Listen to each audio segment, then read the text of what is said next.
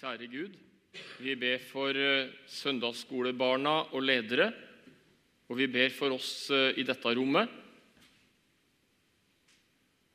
Gjør det sånn at vi eier deg, du korsfestede og oppstandende.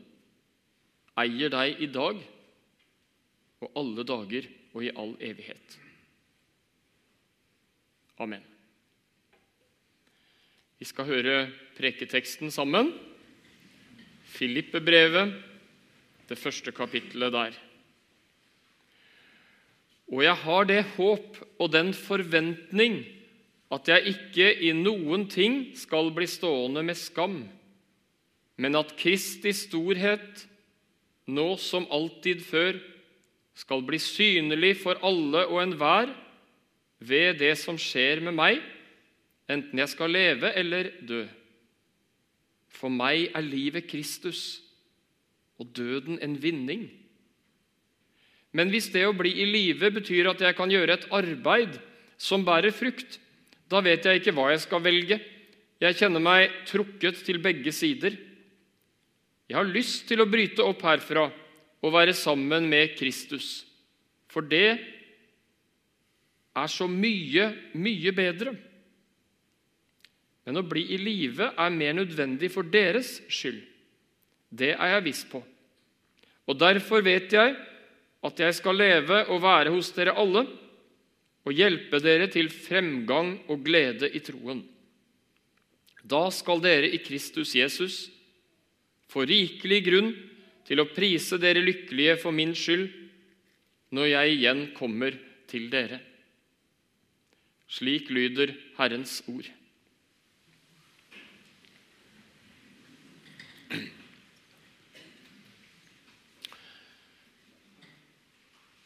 Falsk beskjedenhet. Jeg er et null, og jeg betyr lite, og det jeg gjør, betyr lite. En sånn selvundertrykkende ydmykhet finner vi ikke hos Paulus. Jeg skal sitere igjen fra det jeg leste, det vi leste sammen. Derfor vet jeg at jeg skal leve og være hos dere alle og hjelpe dere til framgang og glede i troen. Da skal dere i Kristus Jesus få grunn til å prise dere for rikelig grunn til å prise dere lykkelige for min skyld. Der er det ikke mye jantelov. En trygghet, men ikke en sånn navlebeskuende, egoistisk trygghet knytta til en sånn sjøldigging, men det er en trygghet på hvem han er, fordi han er i Kristus. I Kristus Jesus. Grunnfesta i ham, og derfor trygg. Og Gud ønsker for deg også at du skal ha framgang og glede i troen. Det er tydelig ut fra bibelteksten i dag. Og som tidligere bonde Det begynner å bli mange år siden, men så veit jeg det at en plante Der er det sånn at det fins ikke en mellomtilstand. Enten vokser planta, eller så er den i ferd med å dø. Det er ett av delene. Sånn er det i botanikken. Sånn er det med levende planter. Og vi finner den samme lovmessigheten i det åndelige. Ja, men hvordan skal jeg vokse i troen? Hvordan skal jeg vokse i Kristusforholdet mitt? tenker du kanskje. Jeg har lyst til å gi ett tips. Det er lange røtter i Kirken fra å ha en medvandrer. En medvandrer. En person en drar til og har én time, ikke mer, ikke mindre, å snakke om livet. Snakke om Kristuslivet, snakke om det som er vanskelig, snakke om det som er godt. Sjøl reiser jeg noen turer i året ut til Nøtterøy, til den pensjonerte sogneprest Harald Kaasa Hammer. Og vi er medvandrere. Jeg får lov å dra dit. Og får lov å ta opp ting, drøfte ting, og dra nytte av hans lange livs- og troserfaring. Og denne måten å jobbe på er så lite ressurskrevende. For den er nesten alltid til velsignelse begge veier. Begge får påfyll. Begge får hjelp. Medvandrere, medvandrere som deler sårbart og nært fra livet, ikke sånn det burde vært, men sånn det er, sånn vi kjenner det, sånn virkeligheten faktisk forholder seg. Og det er en del medvandrere her i Bjerkely menighet. Og jeg har en del erfaring fra begge roller når det gjelder medvandring. Og jeg vil anbefale det. Finn en kvinne eller mann du har tillit til, og gå et veistykke sammen, dere to. Og om det er 30 års aldersforskjell, kan være bare en fordel. Det er ingen ulempe. Eller dere kan være like gamle. Begge deler går. Medvandring. Et middel Gud kan bruke for å bidra til framgang og glede i troen. For meg er livet Kristus. Når jeg kom her eh, fem på halv elleve, så var det første jeg hørte, de vakre stemmene fra forsangerne våre. Og den første setningen jeg hørte, det var 'Prenta i deg mitt billete inn'. Og jeg kjente det gikk rett inn der jeg kom inn i gangen. Det er godt å bli møtt med det tidlig på, eller god stund før gudstjenesten skulle begynne. Prenta Jesu bilde prenta inn i hjertet. Det vil han hos deg. Han vil det. Og det er ikke noe å være redd for. Det er bra. Det er viktig. Det er det viktigste. For meg er livet Kristus, vitna Paulus.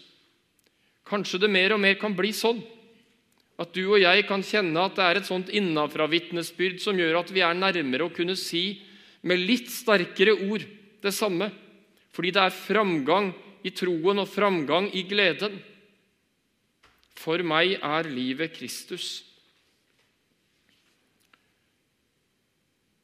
For meg er livet penger. Jeg leste på ei nettside for kort tid siden at det er verdens eneste felles religion pengene. Og det er i hvert fall en del sant i det. Det er nesten sagt hvor vi kommer fra, det er nesten sagt hvilket sosialt lag vi er fra. Det er utfattelig lett å prate om.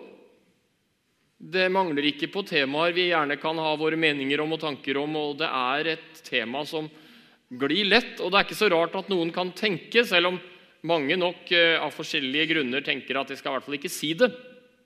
For meg er livet pengene. Og når jeg da dør, og det kanskje skjer sånn som det ikke så sjelden skjer, at arvingene driver og krangler og ødelegger hverandre for å kave til seg av det jeg har brukt altfor mye energi på å skrape sammen, eh, så kan vi se noe av at for meg er livet pengene. Det er en ganske dårlig gud. Selv om den er forferdelig, forferdelig fristende å gjøre til sin Gud. Det kjenner vi vel noen å være. Hvem av oss kjenner ikke det? For meg er livet å være berømt. Være snakka pent om. Å være berømt, være kjent, være sett, være verdsatt. Og så skal det ikke så mye til før ting sprekker. Ting blir veldig annerledes. Og når vi dør Jeg tror det kommer til å skje med Jeg tipper alle oss som er her. Vi blir forholdsvis fort glemt. Er det veldig mye å satse på? Å være berømt? For meg er livet å være berømt. Det er ikke så veldig holdbare greier, og det er ikke så bra Gud, det der. For, og vi kunne ta mange flere eksempler også. For meg er livet å ha familie og venner. Ja, det, det var bedre. Det er viktig. Det er kjempeviktig. For meg er livet å ha familie og venner. Men til og med det, som er så viktig og så verdifullt Når vi legger oss ned og dør, da skal vi forlate dem. Da skal vi forlate dem. For meg er livet Kristus. Tenk om vi kunne få smaken på det i dag. Enda mer. Det er noe som står i særklasse deg å få eia, prenta i meg ditt billete inn. Være i Kristus. For meg er livet makt og innflytelse. Å ja, makt korruperer. Det ser vi mange eksempler på gjennom historien i samfunnet. Og det er ikke mye nyheter en behøver å lese før en ser at det ligger i menneskets natur. Jage etter makt. Og så skjer det kanskje ting når den makten skal utøves, som gjør at det hadde kanskje vært best om den personen hadde langt mindre makt. Både for seg sjøl og for sine kjære og for samfunnet. Jo, det trengs at mennesker har makt, og det trengs at mennesker tar makt. Men det er ganske farlig hvis vitnesbyrdet i praksis er For meg er livet å ha mye makt. For meg er livet Kristus. Og når Jeg har ramsa opp ganske mange ting her. Paulus hadde det meste av dette før han ble omvendt. Han hadde makt som bare det. Han satt ved den beste BI-professorens kateter. Ja, ikke det det var, men det var Gamaliels føtter. Du skjønner bildet. Eh, han hadde den beste læremester. Han hadde en topputdanning. Og han var språkmektig. Og han var en retoriker av klasse. Og han var et intelligent geni. Og så sier han, etter det levende møtet med Jesus Kristus, det som var en vinning for meg, det regner jeg som søppel. Ikke misforstå, han er til å spissformulere Paulus. Men sammenligna alt det vi lett ødsler energi på å jage etter i våre liv, det er veldig, veldig, veldig lite sammenligna med det livssamfunnet med Jesus Kristus som vi er kalla til å ha. For meg er døden en vinning. Ja, jeg kjenner at når det gjelder både dette første om framgang og glede i troen, og for meg er livet Kristus, for meg er døden en vinning, så merker jeg at eh, det mangler mye på at jeg kan bruke så sterke ord som Paulus bruker i sitt vitnesbyrd. Jeg vet ikke åssen det er med deg. Men jeg har en lengsel etter å få eie litt mer av det på begge felta. Og få kunne gjøre til mitt vitnesbyrd litt mer av det som Paulus gjør til sitt vitnesbyrd. Og så er det noen som har tolka denne, dette, denne preketeksten sånn at ja, men vi skjønner jo at Paulus han var jo så deppa. Stakkars gutt. Han hadde opplevd så mye tortur, og han satt i fengsel, og et romersk fengsel det var lunefulle greier, og bødlene kunne banke på døra når som helst. Og Det er ikke rart de han kunne si at døden eh, var en vinning, for han var jo så mørk til sinns der han satt i fengselscella si. Men stemmer det med konteksten? Noen av oss har lest hele konteksten og har gjort det flere ganger. Noen av oss har lest hele Filippe-brevet grundig. Konteksten er ikke sånn. Den sprudler av glede. Filippe-brevet er kort, men i løpet av det korte brevet er glede nevnt 16 ganger. 16 ganger fangenskapsbrevet til filipperne. Jeg skal lese litt fra Filippe-brevet. Jeg takker alltid min Gud når jeg tenker på dere, og hver gang ber jeg for dere alle, og gjør det med glede. Sånn skriver fangen. Det er ikke mye sånn uh, surmuling i det greiene der. Gled dere i Herren alltid. Igjen vil jeg si, gled dere. La alle mennesker få merke at dere er vennlige. Herren er nær.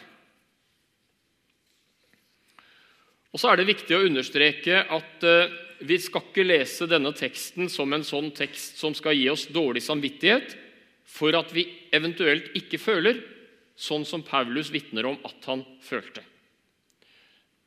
Det kommer det ikke noe godt ut av. Jeg skulle ha følt mer av den gleden Paulus vitner om. Jeg skulle ha følt mer at Kristus er livet for meg. Og jeg skulle følt at døden er en vinning. Det er ikke farlig å dø i det hele tatt. Bibelen har også andre vitnesbyrd om døden, hvor folk liv, Guds folk er livende redd for å dø. og vi skal ikke late som om livet er annerledes enn det er. Vår tekst i dag er ikke et program som befaler 'sånn må du føle', men det er et vitnesbyrd som forteller hvordan Paulus følte. Her er det viktig å skille. Men det gir allikevel en retning å, lengte etter og ta med inn i våre bønneliv, og kanskje i større grad å kunne gjøre hans subjektive vitnesbyrd om hvordan han følte det, i større grad også til vårt vitnesbyrd. Og Så er det mange andre deler av Bibelen som er befaling til oss, som er tydelig Guds instrukser. Dette er tydelig et vitnesbyrd om hvordan Paulus selv hadde det, ut fra sammenhengen. Eh, og så kunne vi tenke at eh, det Paulus sa, det var 'Jeg kjenner meg dradd til begge sider'. Er dere med? Jeg kjenner at jeg på den ene sida så ønsker jeg å leve lenger, og på den andre siden fordi det er selv det aller beste og herligste livet det går an å ha her på jorda, er småtteri mot livet på en nyskapt jord. Herligheten sammen med Jesus, sammen med den frelste skare. Og så kjenner jeg meg dratt til begge sider. Hva er det egentlig jeg ønsker? Hva er det egentlig jeg vil? Og så er det lett at vi leser noe inn i teksten som ikke står der. Jeg ville gjerne levd litt lenger, for jeg ville ha kosa meg litt lenger som pensjonist. Og, og, jeg ville ikke sant? Masse sånne ting som i og for seg er naturlig å tenke og føle. Men det som kanskje overrasker mest i denne teksten i dag, er at Paulus begrunner det med noe annet. Han begrunner det med tjenesten. Han begrunner det med tjenesten for evangeliet. Tjenesten for menneskene som trang å bli møtt med den levende Kristus. Det begrunner han det med.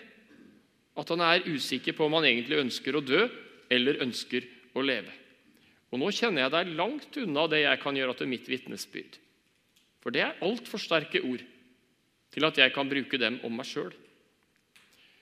Men det forteller noe om at det går an å få eie en så sterk og inderlig tjenesteglede og tjenestebrann og nød og hellig iver for at mennesker skal bli frelst og finne Kristus,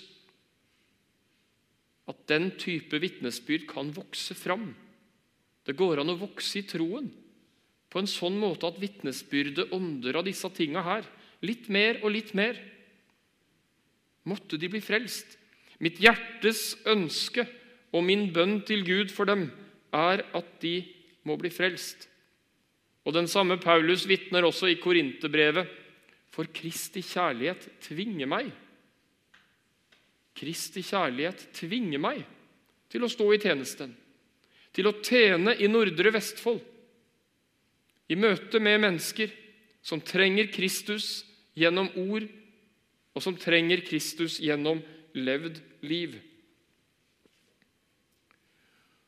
Og når denne Paulus på dødens terskel vitner om hva som er hans bønn, og hva som er hans ønske for sin tjeneste, så kunne vi tenke at han sa det er så viktig at jeg, eller jeg vil jo kanskje leve litt lenger, for da kan jeg få preka litt mer.